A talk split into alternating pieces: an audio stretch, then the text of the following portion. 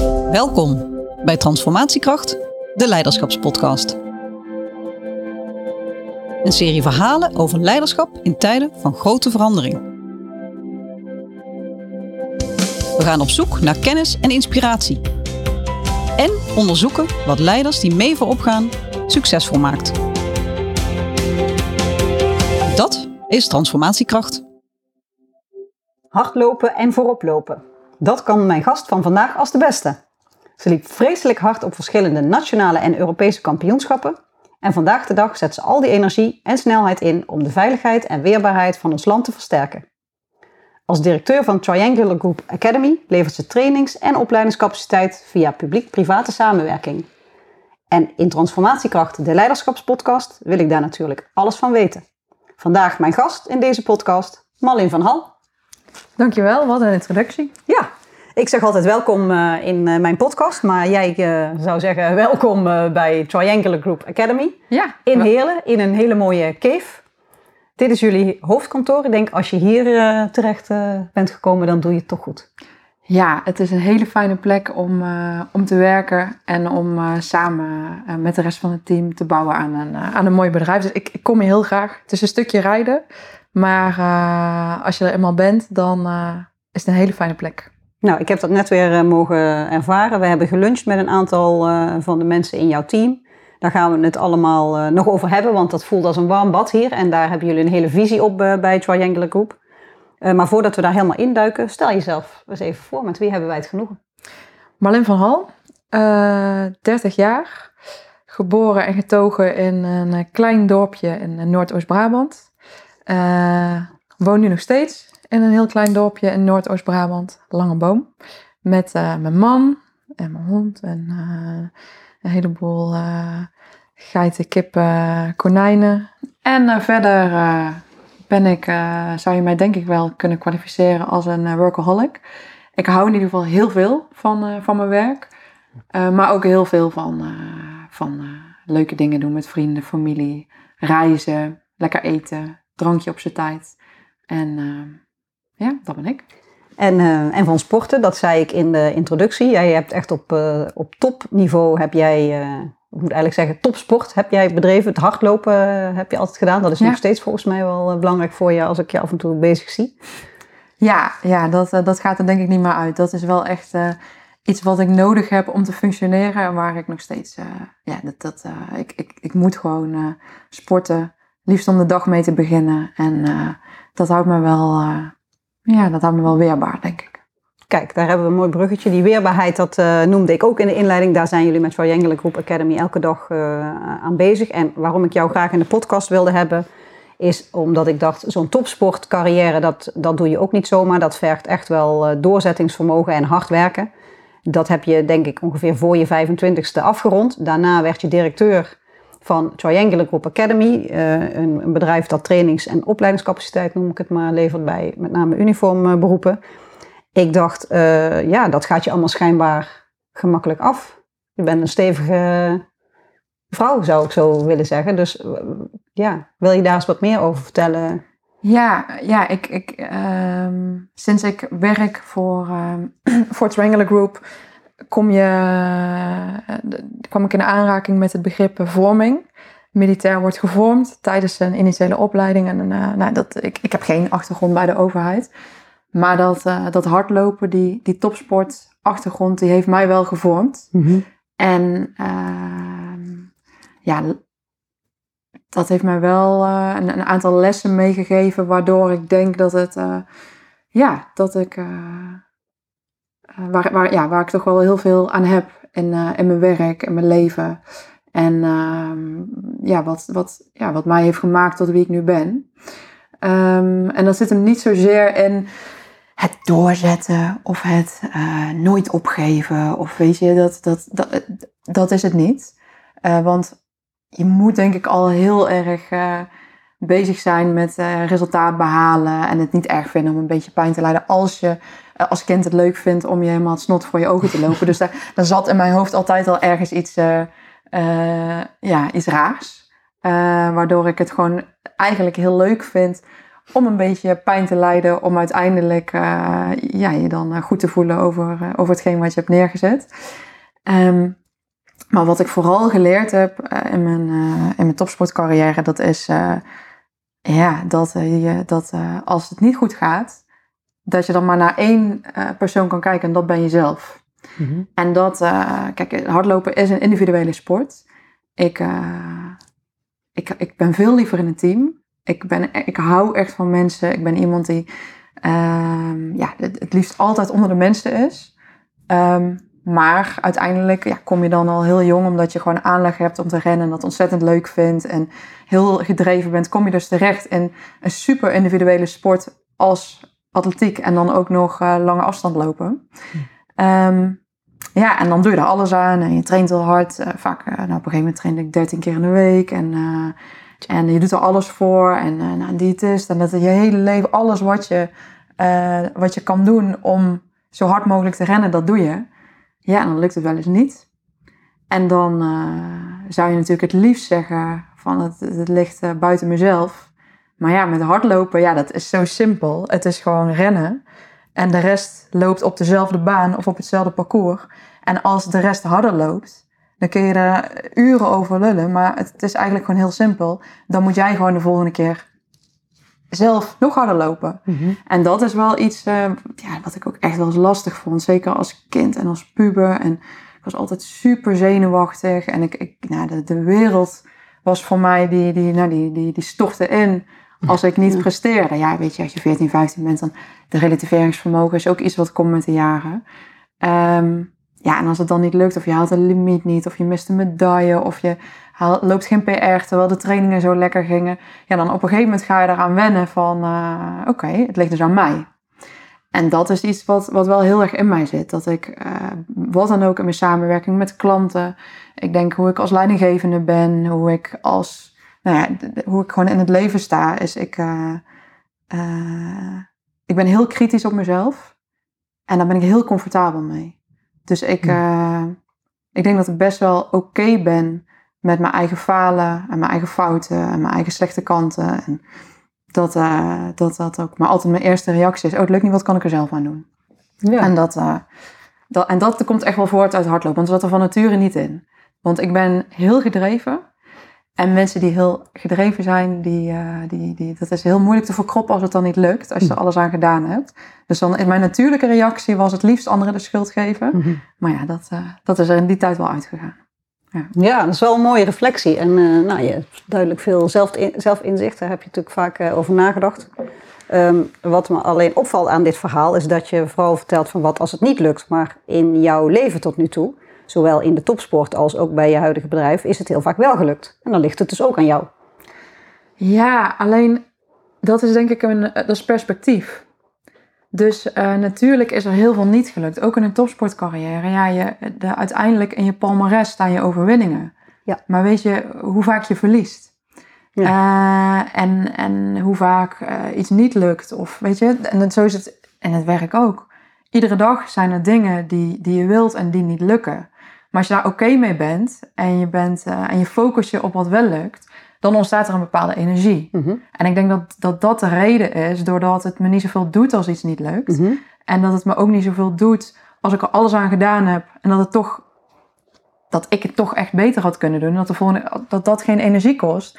Dat maakt uiteindelijk dat mensen alleen nog maar kijken van zo, maar daar ligt alles. Ja, dat is natuurlijk helemaal niet zo. Nee. Het boeit me alleen niet zoveel als het mislukt. Nee, dat is en het boeit me ook niet zoveel als uh, iemand als een van mijn teamleden of een van mijn collega's, als die uh, uh, een fout maakt of iets doet op een manier dat ik denk van, joh, dat had beter gekund. Mm -hmm. Want als je, je moet denk ik vooral je focussen op wat lukt er wel, waar zit iemands kracht, wat zit erin. En op een gegeven moment dan, dan, dan, dan krijg je een bepaalde flow dat iedereen denkt van, zo, alles lukt. Nou, en dat, dat is denk ik voor mij iets wat, ja, wat, wat wat voor mij werkt. Ja. ja. Wat doet het met je als het wel lukt? Ja, dan, uh, dan moet dat gevierd worden. Kijk. Ga ik dat uitvergroten en dan het liefst uh, met mensen bij elkaar. En uh, liefst met een drankje of met... ja, gewoon... Dat, ook, mensen moeten het dan ook weten en horen. En Ja, Ja. Dat, dat vind ik wel leuk. Oh, gelukkig. Ja. Dat eh, ben ik toch blij om te horen Ja, dat dat ook mag. En wel heb je een voorbeeld van iets wat eh, heel goed gelukt is? nou ja, dat, die zijn er natuurlijk eindeloos. Maar als we bijvoorbeeld met het team een aanbesteding winnen... eh, of een eh, hele leuke nieuwe collega binnenhalen... dan moet dat gewoon gevierd worden. Ja. En dan moet dat of diezelfde dag nog of op de eerstvolgende bedrijfsborrel. Dan vind ik gewoon dat je daarbij stil moet staan. En want dat zorgt ervoor dat, eh, ja, dat mensen zich gezien voelen.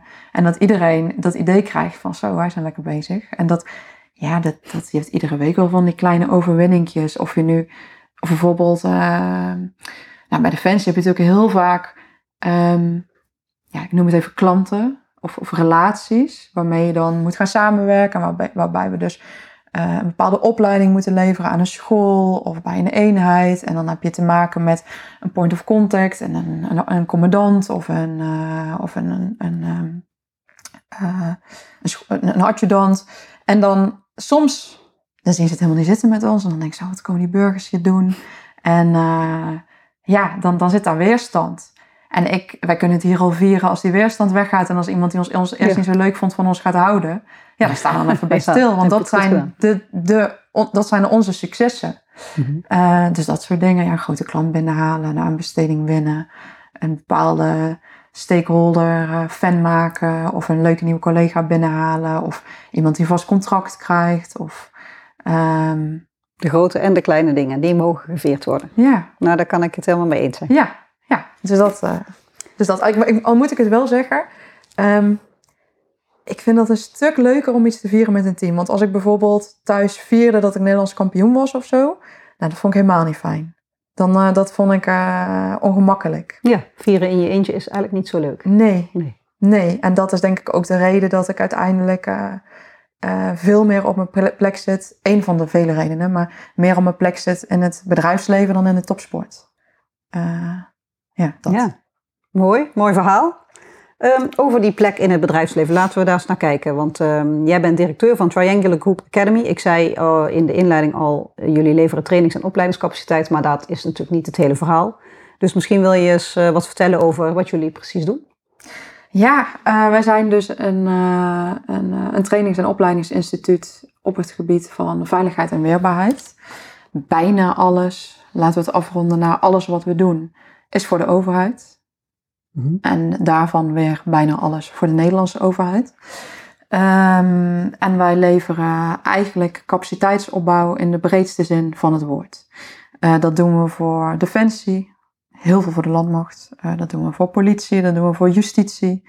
Dat doen we voor de wat eh, specialere clubjes in Nederland die, eh, die onze veiligheid borgen, op welke manier dan ook. Ehm, en dat doen we in verschillende verschijningsvormen.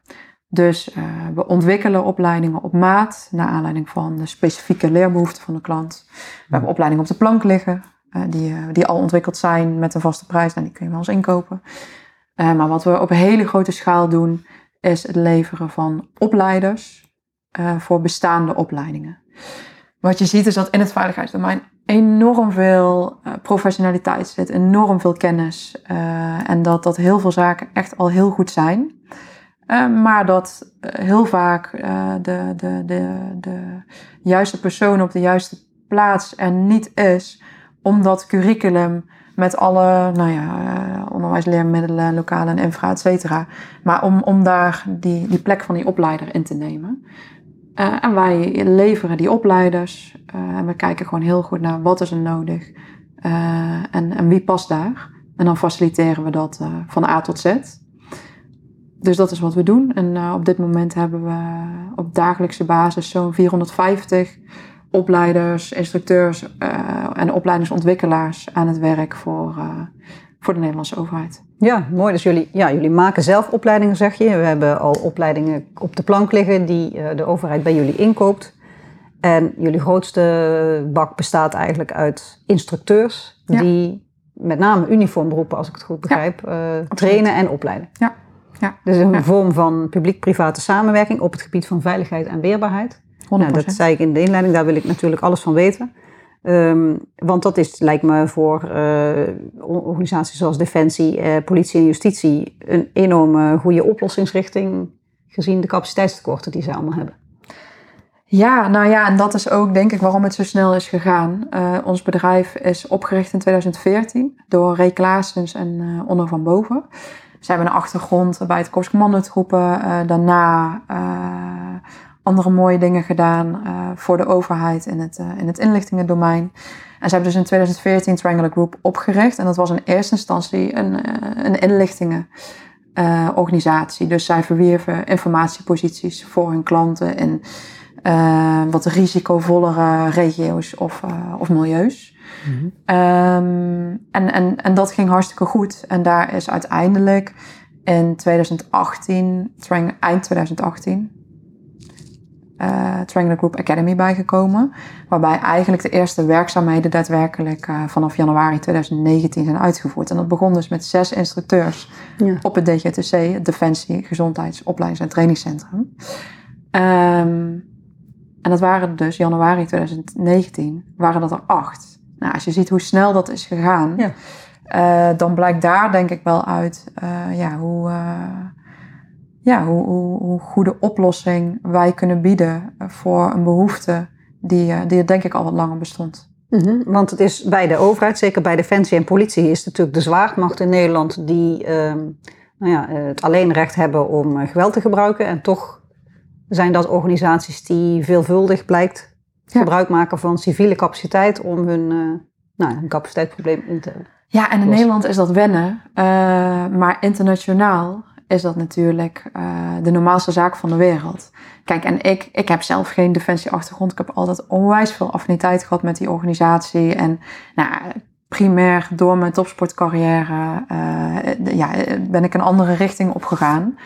Um, maar ik, ik, ja, ik durf echt wel te stellen, vol overtuiging, dat ik echt een hart heb voor die organisatie. En hoe meer ik nu werk met, met politie en justitie, dan begint die, uh, ja, die, uh, dat respect en uh, nou, bijna liefde voor die organisaties ook te groeien. Mm -hmm. um, en toen ik, toen ik in het vorige bedrijf waar ik werkte, hoorde ik dus in mei 2019 dat dat verkocht ging worden. En toen ben ik gaan nadenken, oké, okay, ja, wat, wat gaat het worden? Waar ga ik naartoe? En, uh, en toen ben ik gaan lezen en me gaan verdiepen in die private schil om defensie heen. Want ik wist, oké, ja, ik heb hartstikke veel ervaringen opgedaan in uh, marketing en management, vooral in, in een groeiende organisatie. Dat is mijn skill, dat heb ik te bieden. Ja, maar ik wil eigenlijk iets doen met of voor defensie. En het bleek toen dus dat er heel veel bedrijven zijn waar, uh, uh, ja, waar, waar dat als een handschoen past. Alleen nog niet in Nederland. En ik woon in Nederland en ik hou van Nederland, dus daar blijf ik. En, uh, maar op dat moment kwam wel de adoptieve krijgsmacht op. een beetje voortkwam uit het Total Force concept. En de publiek-private samenwerking moest aangeslingerd worden. En toen is eigenlijk bij mij het idee ontstaan van... oké, dit is wat ik wil doen. Eigenlijk exact wat we nu doen. Dit is wat ik wil doen. En daar ben ik toen uh, ja, het op papier gezet en naar heel veel verschillende mensen gestuurd die wel een defensieachtergrond hadden en al een bedrijfje. Uh, en zo ben ik uiteindelijk hier terechtgekomen. Dus mijn hele perceptie is, dit is de normaalste taak van de wereld. Hmm. Maar natuurlijk heeft Defensie een private, flexibele schil nodig. Dat iedere krijgsmacht die zijn shit op orde heeft, die heeft dat. En in mijn hoofd is dat extreem logisch. en ben je bijna, ja, en, en ik, nou ja, dus dat, dus dat is, ik heb een hele ander, ander perspectief op die situatie dan mensen die zijn opgegroeid in die defensieorganisatie, die, die eh, ook zijn gevormd door al die bezuinigingen en een krimpende organisatie en altijd met, met te weinig middelen en te weinig mensen toch het werk hebben gedaan. En die hebben een heel ander perspectief. En daar kom ik dan, die dat mhm. allemaal niet heeft meegemaakt. Uh, die alleen, en, en, en met, een, met echt een compleet andere visie op uh, nou, die publiek-private samenwerking. En, en soms botst dat in het begin, maar uiteindelijk komt dat meestal op een hele fijne manier bij elkaar. Mhm. En uh, ja, wat, wat heel vaak de aanname is van mensen is, oh ja, Defensie heeft tekorten. En daarom, dat is het bestaansrecht van TGA. Want TGA die vult dat op. Ja, ik zie dat heel anders. Ik, ik zie Defensie investeert ontzettend veel in zijn mensen. Die biedt trainingen, opleidingen en, en die uitzendingen, daar zit ook heel veel waarde qua wat iemand meeneemt in zijn rugzak. Aan, aan levenservaring en aan Nou, wat je vervolgens weer kunt gebruiken om de nieuwe generatie op te leiden. Maar zoals elk bedrijf in Nederland, eh, ja, gaan er mensen uit die een ander pad gaan volgen. En uh, zeker omdat Defensie nogal wat vraagt, want het is een gevechtsorganisatie. En, en uh, dus, dus omdat zij er moeten zijn in een conflict, ja, is daar directiviteit nodig. Moet je, je kunt niet met mensen gaan onderhandelen uh, of ze een papadag misschien willen opgeven als er, uh, als ze uitgezonden moeten worden of als er, als er daadwerkelijk als Nederland in een gewapend conflict verzeild raakt. Dan moet je op de knop kunnen, kunnen drukken en een bevel kunnen geven en dan moeten jouw troepen moeten er staan. Um, daar is ook hiërarchie bijvoorbeeld super belangrijk voor. Dat is nodig in die context. Maar ja, dus er is gewoon een grote groep mensen die op een gegeven moment in een bepaalde levensfase komt. Die zegt, ik wil niet meer die hiërarchie. Of ik wil niet meer dat iemand voor mij beslist. Terwijl misschien wel uh, mijn kindje dan jarig is. Of dat ik moet bevallen. Of dat mijn partner moet bevallen. Of dat het even niet lekker gaat in mijn eerste huwelijk of mijn tweede of misschien wel mijn derde huwelijk. En hier trek ik de streep. was de mooiste tijd van mijn leven. Ik ben hier gevormd. Ik ben hier opgegroeid. Ik ben hier een vakman geworden. Uh, maar ja, andere levensfase. Ik wil nu zelf beslissen mm-hmm. over mijn leven en over hoe ik dat inricht. Ja, en, en die, die mensen, stappen over en die mensen van Enkele Group Academy. Nou ja, die gaan eruit. En dan denk ik, ja, en dat is dus waarom ieder, heel veel landen een uh, flexibele uh, schil uh, om zich heen hebben. Want wij staan daar met het vangnetje aan de achterpoort. Dan laat ze eerst maar even een jaartje ervaring opdoen in het bedrijfsleven. En vervolgens dan halen wij ze terug. En er zit heel veel waarde nog in die mensen. Ja. En wat Defensie ook op orde krijgt, ze gaan er nooit, nooit, nooit in slagen om 100% van hun mensen van opkomst tot FLO te behouden. Ja, en functioneel leeftijdsomslag. Ja, functioneel, ja, te behouden. En, en die groep die vertrekt, als je daar een gedeelte kan opvangen en, en via een, een andere club die meer maatwerk kan bieden, omdat het gewoon uh, een hele andere taakstelling heeft. Hm. Als je die terug kan halen om uh, nog meer waarde te leveren, of leveren in een stukje capaciteitsopbouw. Ja, dan denk ik dat je dan alleen maar heel verstandig omgaat met belastinggeld. Ja. In plaats van dat je uh, voor al die stoelen weer nieuwe recruiten moet gaan opleiden. Um, ja. Dus dat is mijn rationele, mhm. externe blik op die situatie. En dat botst wel eens soms met, uh, met de emotie van gepassioneerde mensen die zijn opgegroeid in die organisatie. Ja, dus kijken of ik het goed begrijp. Je vertelt echt een heleboel en met, met verven. Dus um, een mooi verhaal. Um, een aantal jaar geleden had Defensie uh, het beleid om uh, meer samen te gaan werken met private partijen. Want er zijn capaciteitsproblemen en andere uitdagingen uh, om te voldoen aan de taken die ze hadden. Zoals de missies waar jij net over vertelde. Ehm, dat heette de Adaptieve Krijgsmacht, dat programma. Of Total Force in het Engels waarin uh, nou, Defensie onder andere nadacht over het opstellen van een flexibele schil rondom de krijgsmacht. En jullie hadden eigenlijk de visie dat jullie deel wilden uitmaken van die flexibele schil. En blijkbaar werkt het van twee kanten, want er zijn altijd mensen die uh, op een bepaald moment in hun leven geen militair meer willen zijn. Dat is super uh, kwaliteit en capaciteit die op de markt beschikbaar komt. En bij Triangular Group Academy Um, ontvangen jullie deze mensen weer met open armen en daarmee vul je eigenlijk weer een flexibele schil, niet alleen voor Defensie, maar voor allerlei overheidsdiensten. Ja. Heb ik het zo, ja, zo goed ja, gezegd? Ja, en, en dus eigenlijk ieder, al onze trainers, opleiders, uh, ontwikkelaars, die hebben allemaal een achtergrond in dat domein. Mm -hmm. Die zijn daar uh, opgeleid, gevormd, hebben die ervaring opgedaan zijn eruit gegaan. En vervolgens uh, ja, proberen wij ze weer binnen te halen. En hun kennis en expertise te verpakken in de opleidingsproducten voor de, voor de volgende generatie. Dus dat is, dat is wat het is. Ja, een beetje kritische luisteraar die zou zeggen dat is kapitaalvernietiging. Want als ze rechtstreeks weer bij Defensie aan de gang gaan, dan had Defensie ze moeten houden.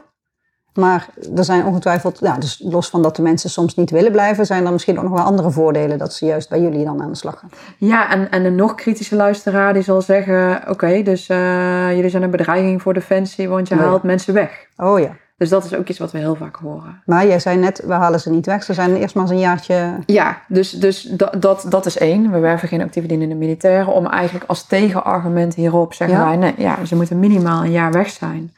Uh, uh, of er moet een, uh, echt een schriftelijk verzoek liggen van een commandant van, nou, Frank hier die wil al jaren weg. Ik kan hem niet houden. Liever dat hij naar jullie gaat dan, dan naar Philips. want bij jullie heb ik er nog wat aan, want dan kan ik hem tenminste nog inhuren mm -hmm. af en toe. Kijk, dan kunnen we dan een uitzondering op maken. Maar wij, ja, wij nemen niemand rechtstreeks aan en gaan zeker niet werven binnen Defensie. Um, kijk, en, en je kunt wel zeggen, ja, uh, het, het, is kapitaalvernietiging, want hij had net zo goed kunnen blijven. Er zitten een aantal aannames mhm. onder. Eén, uh, iemand moet ook willen blijven. Ja. En als uh, militair uh, ja, moet je in principe ja, uitgezonden willen worden in de hiërarchische lijn, et cetera, et cetera. Dat, weet je, dat is dat stuk van vredesbedrijfsvoering versus een, een organisatie die gevechtsklaar moet zijn. Maar daarnaast je, zijn er natuurlijk ook ja, mensen die zeggen nee, maar Defensie die moet ook dat andere stuk bieden. Dus we moeten heel anders omgaan met personeel en veel flexibeler en uh, veel mensgerichter, et cetera, et cetera, et cetera. En dat, ja, dat, natuurlijk zou dat niet slecht zijn, maar aan de andere kant zit je altijd nog met gewoon je hoofdtaken. Ik denk dat primair dat het daarop moet zijn ingericht. En dat het wellicht dat ik denk dat het veel goedkoper is om voor dat maatwerk een, een kleinere partij in te huren die er ook is op ingericht.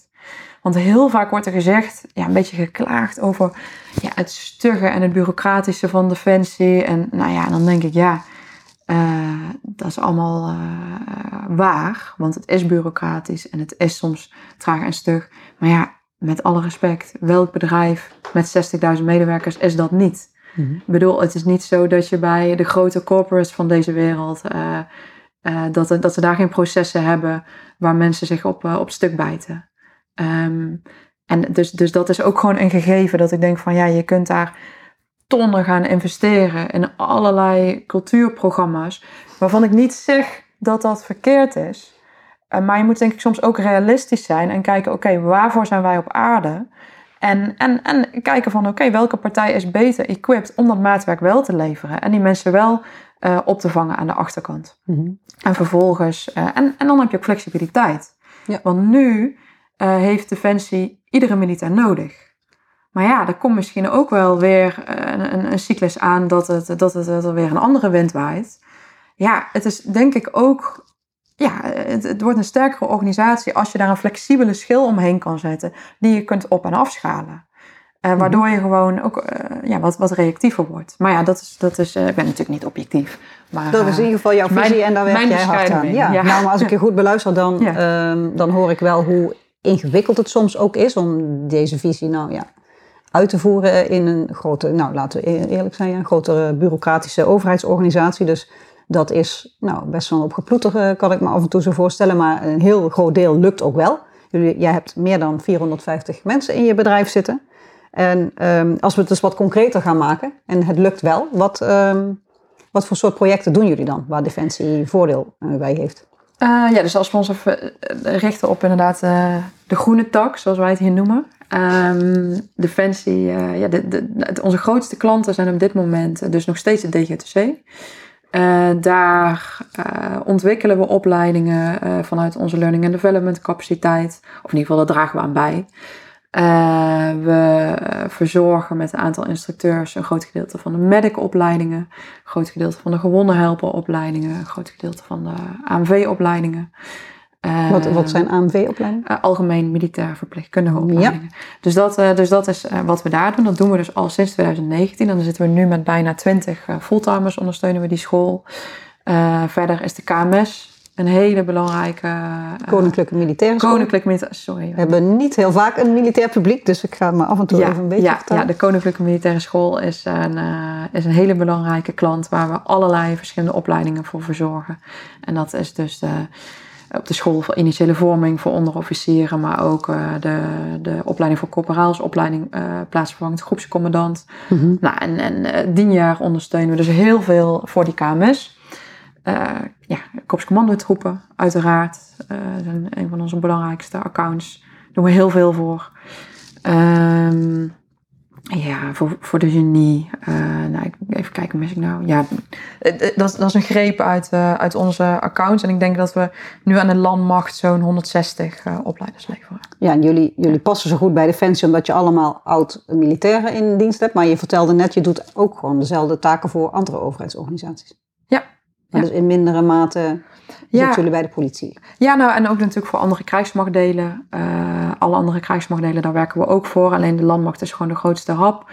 Daarnaast de, de politie, eh, decentraal en ook veel voor de politieacademie. Justitie, denk aan eh DVNO en het BOD. Denk aan eh, de DKDB, eh DSI. eh, ja, de, de Dat zijn allerlei uitvoeringsdiensten op politiegebied. Oh ja, onder weer al die afkortingen. Hè? Eh, nou Ja, alle, allemaal speciale clubjes en, eh, en nou ja, van alles. Ja. ja. Ja.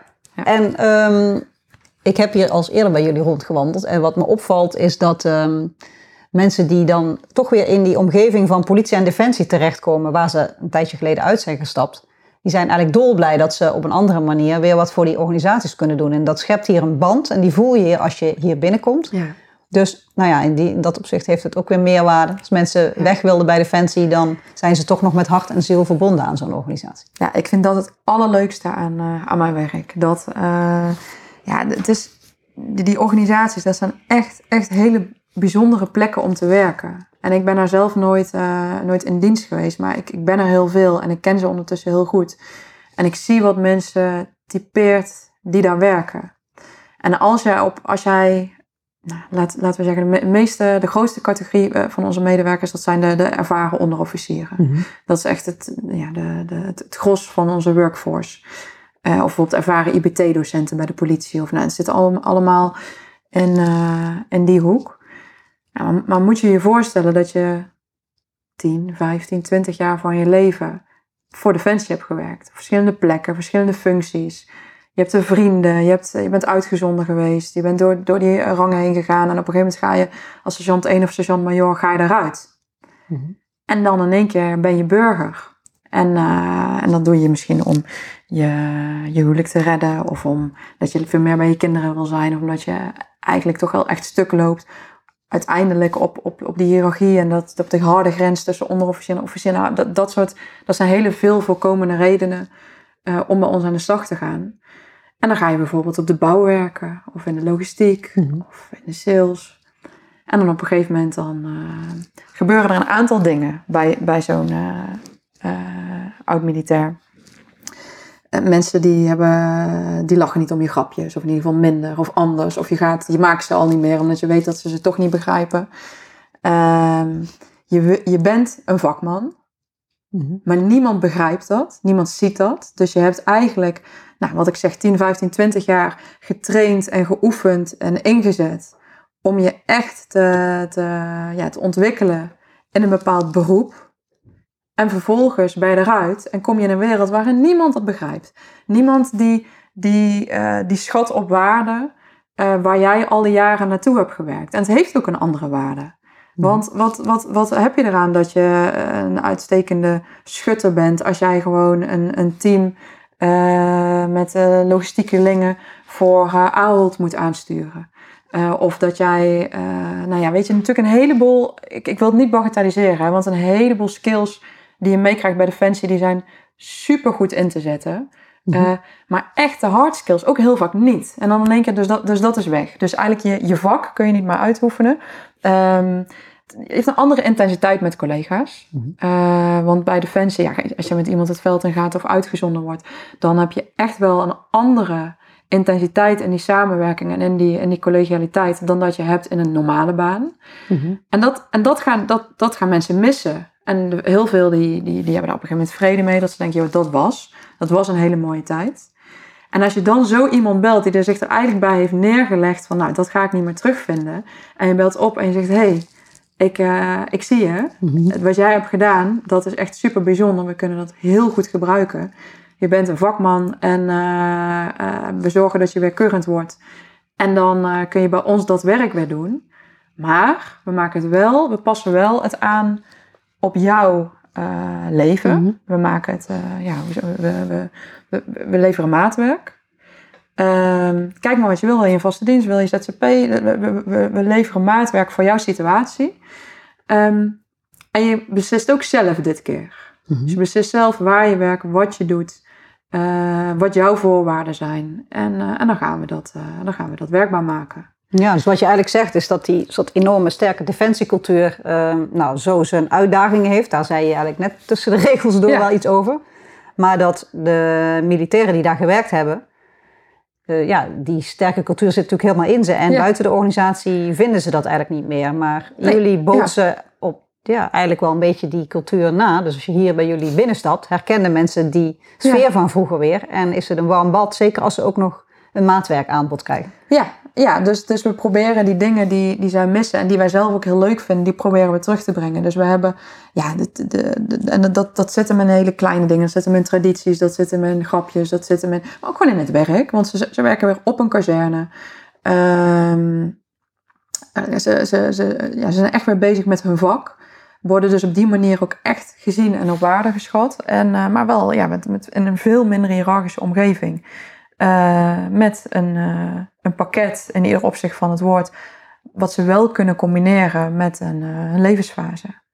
En zo weten we dus die mega waardevolle oud-militairen of oud-politie of, of justitie Mhm. professionals.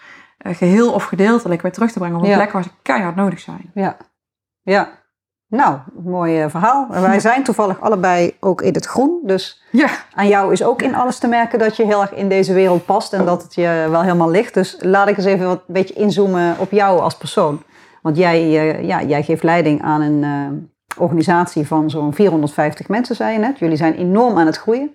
Je bent in hoog tempo mensen aan het nemen. Dat is een beetje een aanname, maar niet zo positief voor Defensie. Want dat betekent dat mensen daar weglopen nog steeds of zo. Nee, absoluut niet. Eh, dat, dat, nee, dat, dat heeft geen verband. De, want wat ik al zei, we nemen niet mensen rechtstreeks aan Nee. van Defensie. Eh, maar je ziet gewoon dat Defensie aan het opschalen is. Dus eh, er is net weer een nieuwe manschappenschool opgericht. Ehm, de, het dienjaar is gestart.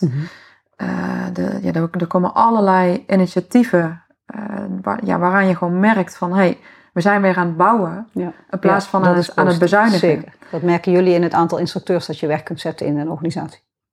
Ja, ja, ja, er moet gewoon, eh, er, er is gewoon echt een focus op gereedstelling. Ja. En niet op, op reorganiseren of bezuinigen of wat dan ook. Maar eh, oké, we, we moeten er gewoon weer van zijn. Ja. En er is een ander eh, po- politiek klimaat. Er is meer geld. En, en er is, dus ik vind dat er een heerlijke wind waait op dit moment. Als ik het vergelijk met 2019 of nu. Ja, ik, ik vind het heel fijn. Je ziet dat kartrekkers opbloeien. Dat is mijn, in ieder geval hoe ik het zie. Ja. En, eh, en dat betekent dat er op alle fronten opgeschaald moet worden. Ja. En dat ook, er is natuurlijk een heel lange tijd geweest dat mensen werden weggehaald uit operationele eenheden om instructiestoelen te vullen. Wat uiteindelijk leidt tot een neerwaartse spiraal. Want als je mensen directief plaatst op een stoel die ze niet willen, dan bevordert dat de uitstroom. En het feit dat wij als TGA nu een strategisch partner zijn, eh, veel naamsbekendheid hebben, dat er steeds meer raamcontracten zijn, dat maakt dus dat eh, beslissers binnen Defensie de optie hebben om te zeggen: nee, we gaan niet die operationele, die kaders uithollen van die operationele eenheden. We gaan oud-collega's terughalen via een bedrijf die dat, die dat voor ons regelt en die ons ontzorgt, om uiteindelijk die instructiestoelen te vullen. Ja. En dan hebben we uiteindelijk een organisatie met nou, beter gevulde troepen. En aan de andere kant beter gevulde scholen. Ja. Zodat ook die, die instructeurs die wel eh, gewoon eh, ja, de, de, en, en nog in militaire dienst zijn. ehm, dat die ook niet overbelast worden en, en, en vervolgens vertrekken. Dus dat, zo proberen wij die olie in de machine te zijn. Eh, op het moment dat Defensie moet, moet opschalen en, en versnellen en, en moet leveren. Ja. Ja, en, en dat, dat, is, dat is superleuk. Ja, Dat nou, dat eh, spat er ook vanaf. ja. Dus eh, ik geloof het helemaal. Dus nou dan toch nog naar jou nu. Ja, ja. Ehm, ja, ik wilde eigenlijk vragen van... eh, ik ga het jou makkelijk af, weet je, in deze wereld. Maar jou, jij straalt in alles uit. Zei net, je bent in het groen vandaag. Het, ja, je leeft het eh, in hart en nieren. Maar ik ben wel benieuwd van hoe... ehm, het is wel gewoon een broek pakken, hè? Ik zit hier niet in nee, je eh, zit niet in militaire Nee. uniform. Nee, nee, nee, dat is eh, inderdaad waar. Maar het staat je goed. Maar ik vond het toch, toch typisch. Ehm, hoe, waar haal jij de inspiratie vandaan, zeg maar, om hier eh, met zoveel verven en passie aan te sleuren? Ehm, ja, ik, eh, ik vind het wel een leuk avontuur. En ik, ik vind het leuk om eh, heel veel leuke, gedreven, authentieke mensen om me heen te verzamelen. En dan samen impact te maken. Ja, ik vind dat, eh, ik vind dat heerlijk. Dan ook nog uh, op een leuke plek en op eigenlijk heel veel leuke plekken. Mhm. Want ik, uh, ja, we zijn echt wel, ja, we hebben wel een unieke positie, want we komen overal in dat veiligheidsdomein.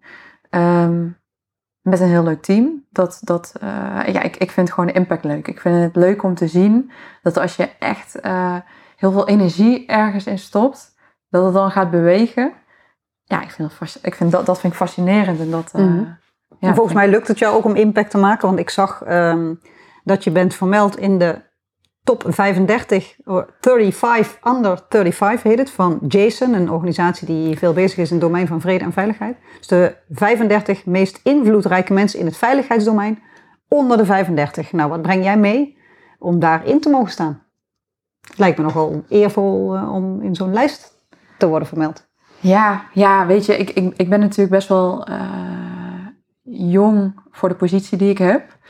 Uh, maar dat heeft er gewoon mee te maken dat ik uh, ja, in een heel vroeg stadium ben aangeklikt bij dit bedrijf. Dus ik ben, het is, weet je, ik, toen ik deze rol kreeg, um, en dat heeft alles te maken met het vertrouwen en het lef van, uh, van onder reden oprichters van het bedrijf. Die hebben mij gewoon deze kans gegeven. op het moment dat het nog een stukje kleiner was, een heel stukje kleiner. En toen was het al uh, gewaagd, denk ik. Mm -hmm. uh, ik heb geen defensieachtergrond, ik heb geen politieachtergrond. Ik kom helemaal uit een andere wereld. Uh, ik ben hartstikke jong. en ook nog best wel niet zo politiek correct, best wel een flap uit. ik schuw de confrontatie ook niet. Dus nou ja, ze haalden zich nogal, nogal wat op hun nek. Maar ze hebben me, me wel die kans gegeven. Ja. En vervolgens is dat bedrijf gaan groeien. Uh, dat doen we met z'n allen. Mm -hmm. En, uh, en Onno Ray, die, uh, die trappen dat vliegwiel op de achtergrond ook nog best wel aan. Um, en, en op een gegeven moment dan is het heel erg groot. En dan maak je dus ook impact. Want we leiden nou ja, tienduizenden veiligheidsprofessionals per jaar op. Ja, en dan, en dan, en dan ben ik algemeen directeur. Ja, dat, dat is dan iets wat opgemerkt wordt. En ik word er altijd een beetje ongemakkelijk van. Maar ja, ja, dat kan ik me eigenlijk nog wel voorstellen, maar sta je in wel dit mee- geval ja, vraag ik het, dus dat hoeft nu niet.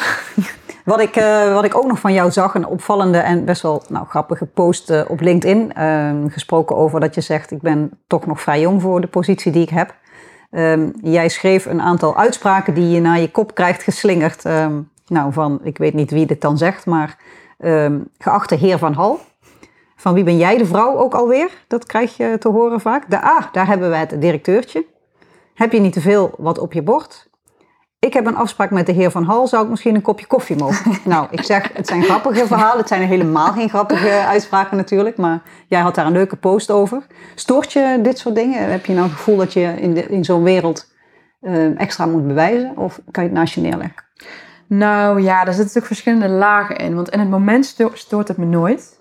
Omdat de intentie niet verkeerd is. Ja, je komt natuurlijk af en toe gekken tegen die bewust bepaalde opmerkingen gaan maken om je on- onderuit te halen. Maar dat is echt, nou, als ik nu moet gaan kijken de afgelopen vijf jaar, ik kan dat niet eens noemen. Terwijl de Ja. opmerkingen die jij net noemt, dat is eindeloos. Dat gebeurt eindeloos, maar dat is nooit verkeerd bedoeld. De intentie is goed. Eh, alleen mensen die, die, die hebben gewoon een bepaalde bias en een bepaald eh, vooroordeel. Wat ook gewoon te maken heeft met het feit dat, eh, ja, dat het niet helemaal de norm is. Dat ik met mijn Precies. eh, blonde vrouwelijke 30-jarige. eh, eh, ja, ook, dat zei ook een keer iemand. Eh, die, die vroeg, dat was die, die man die vroeg van wie ben je de vrouw ook alweer. En toen, eh, toen legde ik uit eh, dat, ik, eh, nou, dat mijn man dus niet hier werkt. En dat ik gewoon gesolliciteerd heb. En niet op een andere manier eh, binnen ben gekomen. Ehm, dat, eh, en toen zei hij, oh ja, dat is sorry. Maar eh, ja, eh, met jouw kenmerken Ja.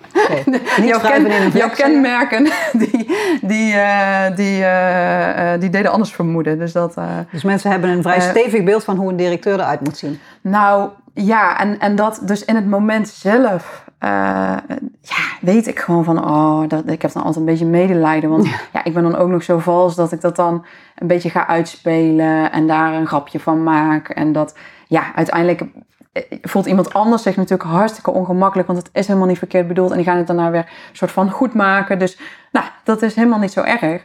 Alleen ehm, eh, het, het feit dat, eh, dat, dat, dat achter die goede intentie een heel breed gedragen uh, beeld is van wat is de norm. Ja. En dat ik daar zo van afwijk, ja, dat is wel eens lastig. Ja. Want ik, wat ik vooral gewoon echt vervelend vind, is dat het zo vaak gaat over mijn geslacht. Dat is echt een soort van. Uh, kijk, stel nou dat ik gewoon een man zou zijn met een defensieachtergrond van 40 of 50. Dan, en, en, en je gaat ergens praten dan zien ze gewoon Ja. uh, ja, die, persoon. Ja. En die is dan uh, uh, verlegen of als rem of slim of niet zo slim, maar wel heel aardig. En dan, dan vormt zich daar een karakter.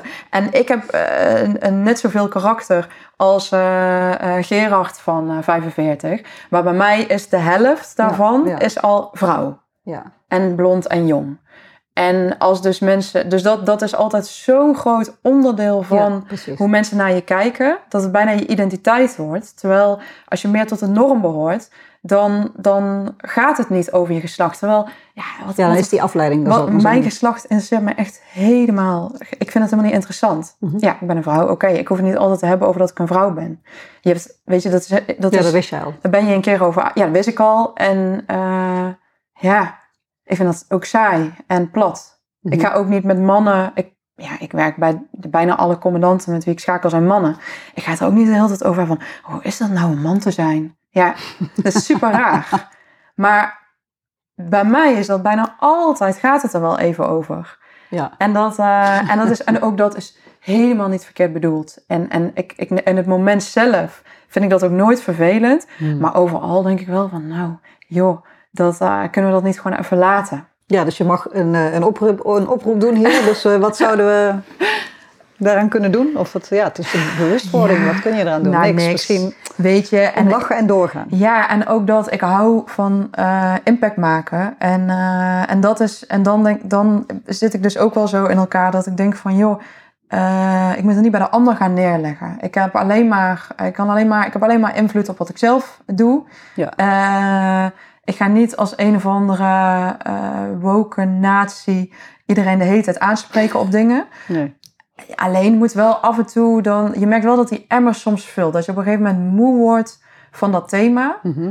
Eh, en dat op een gegeven moment dan, dan merk ik van, oh, dan komt die irritatie erin. En dan moet ik dat, dat, dat, dan moet die emmer even leeg. En dan kan hij Ja. daarna weer vol. En Ja. ik probeer dat wel gewoon zelf, dat bij mezelf te houden. Maar ja, het is echt eh, heel, ja, voor mij wel, ja, het is wel een thema. Ja. Ja. Nou ja, dus als ehm 80, 85 procent van de mensen in dat veiligheidsdomein man zijn, dan gaat het nog een tijdje duren voordat eh, nou ja, de norm is veranderd.